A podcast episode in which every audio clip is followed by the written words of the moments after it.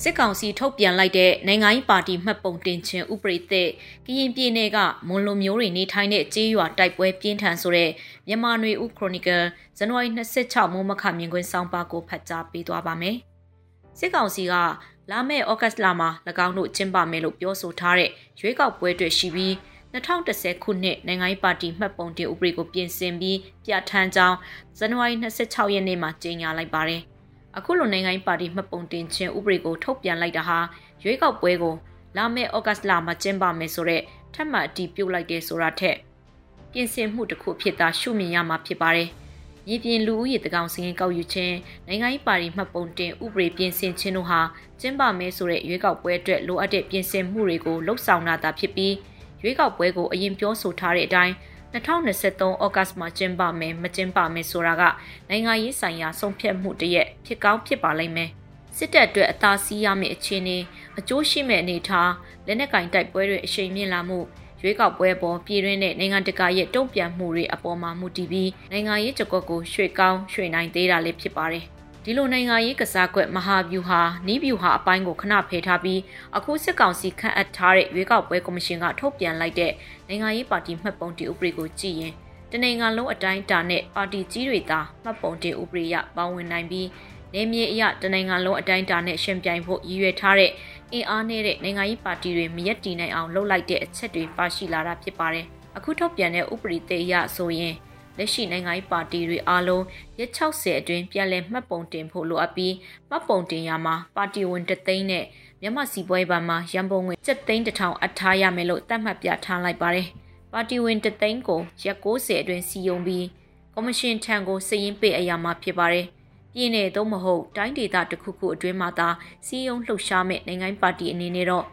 ရက်60အတွင်းပါတီဝင်တသောင်းကိုစီယုံပြီးစည်ရင်းပေးအရာမယ်လို့ရေးသားထားပါတယ်။ ဒါအပြင်လဲတနိုင်ငံလုံးစီးရုံးလှုပ်ရှားမဲ့နိုင်ငံရေးပါတီအနေနဲ့လွတ်တော်၃ရက်လူမျိုးစုကိုယ်စားလှယ်စရှိရဲ့ကိုယ်စားလှယ်လောင်းအရေးတွဲရဲ့ထက်ဝက်မျှသောနေရာတွေမှာအ ਨੇ ဆုံးဝင်ရောက်ရှင်ပြိုင်နိုင်ရမှာဖြစ်ပြီးဝင်မပြိုင်နိုင်ခဲ့ရင်ပါတီအနေနဲ့ဆက်လက်ရပ်တည်ခွင့်မရှိဘဲပယ်ဖျက်ခံရမယ့်သဘောဖြစ်ပါတယ်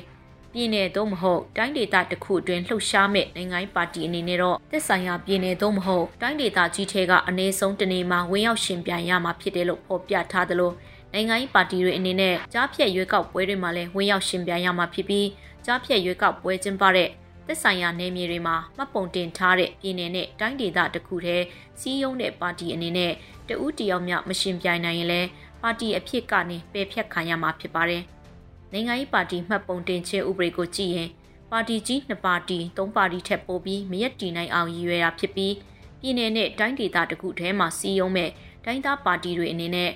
မိမိတို့လူမျိုးနွယ်တွေနေထိုင်ကြတဲ့ဆက်ဆက်နေတဲ့ပြည်နယ်တိုင်းတွေမှာတွားရောက်စီယုံဖို့မလွယ်ကူတဲ့အနေအထားမျိုးလည်းရောက်ရှိသွားတဲ့သဘောဖြစ်ပါတယ်။ဥပမာအားဖြင့်ကရင်တိုင်းသားပါတီတွေအနေနဲ့ကရင်ပြည်နယ်တစ်ခုထဲမှာအတွက်မှတ်ပုံတင်ထားမယ်ဆိုရင်ကရင်လူမျိုးအများပြားနေထိုင်ကြတဲ့အေယာဝတီတိုင်းလူမျိုးဝန်ပြည်နယ်တနင်္သာရီတိုင်းရဲ့အချို့ဒေသတွေလိုမျိုးမှာနိုင်ငံလှုပ်ရှားမှုရှင်ပြိုင်မှုတွေလုပ်ဖို့အခွင့်အရေးမရှိတဲ့သဘောလည်းဖြစ်ပါတယ်။ ခြုံပြောရရင်တော့စစ်ကောင်စီကကျင်းပမဲ့ရွေးကောက်ပွဲကအယုံကြည်ရှိပွဲရမဟုတ်တဲ့ရွေးကောက်ပွဲဆိုတဲ့ယက်တီချက်တွေကိုနိုင်ငံရေးအင်အားစုတွေကချမှတ်ထားကြပြီးဖြစ်တာအမှန်ပင်ဖြစ်ပေမဲ့နိုင်ငံရေးနီလာနဲ့ရွေးကောက်ပွဲနဲ့နီလာနဲ့တွားဖို့မလွယ်အောင်ရှင်ကြရစ်စေချင်တဲ့ပါတီတွေပဲကြံနိုင်အောင်လှုပ်ဆောင်လိုက်တဲ့လုံရက်တစ်ခုတည်းဖြစ်တယ်လို့ဆိုရမှာဖြစ်ပါတယ်။ပြီးခဲ့တဲ့ဇန်နဝါရီ23ရက်လောက်ကလေးကစတင်ဖြစ်ပွားလာတဲ့ကရင်ပြည်နယ်ကျုံတုံးမြို့နယ်ထဲက ကြေးရွာတွေကတိုက်ပွဲတွေကပုံမကျဲပြန့်လာပြီးသတင်းတွေအရကျုံတို့မြုံမှာပါဖြစ်ပွားနေတဲ့သဘောမျိုးဖော်ပြထားကြတာတွေ့ရပါတယ်။ကန်းနီကော်ပိန်မိဂလုံအစရှိတဲ့ကြေးရွာတွေမှာဖြစ်ပွားနေတာဖြစ်ပြီးစစ်ဆက်နေတဲ့ကြေးရွာတွေကအယက်သားဒေတာခန်းတွေလည်းထွက်ပြေးတင်းရှောင်နေကြရတဲ့သတင်းတွေဖော်ပြထားကြတာဖြစ်ပါတယ်။ကြေးရွာတွေကနေအိမ်တွေကိုမီးရှို့ကြတဲ့သတင်းတွေကရှုပ်ထွေးနေပြီးကရင်လက်နက်ကင်အဖွဲ့တွေကကြေးရွာအုပ်ချုပ်ရေးမှု ပြည်သူစစ်ပြူစောတိခေါင်းဆောင်လို့ယူဆတဲ့သူတွေရဲ့နေအိမ်တွေကိုရှုပ်ခဲ့ကြရဲဆိုတဲ့ပြောဆိုမှုတွေရှိသလိုစစ်ကောင်စီကတွဲဘက်လှုပ်ရှားတဲ့ကရင်နယ်ချားဆောင်တက် BGF ကလည်းကြေးရွာတွေကနေအိမ်တွေကိုလက်တုံပြန်မိရှို့ကြရဲဆိုတဲ့သတင်းတွေဖော်ပြချက်တွေလည်းတွေ့ရှိရတာဖြစ်ပါတယ်။မွန်လူမျိုးအများစုနေထိုင်တဲ့ကြေးရွာတွေနေရာမှာစစ်ပွဲတွေဖြစ်ပွားလာတဲ့အပေါ်မွန်ပြည်သစ်ပါတီ မွန်တိုင်းသားလက်နက်ကင်တွေကိုပါစစ်အတွင်းဆွဲခေါ်လာတာလားမိုးနဲ့ကရင်လက်နက်ကင်တပ်ဖွဲ့တွေကြားသို့မဟုတ်မွန်လူမျိုးတွေနဲ့ကရင်လူမျိုးတွေကြားအထင်မြင်လွဲမှားစရာတွေဖြစ်လာနိုင်သလားဆိုတဲ့စိုးရိမ်မှုတွေလည်းပေါ်ထွက်လာတာဖြစ်ပါတယ်ရှင်။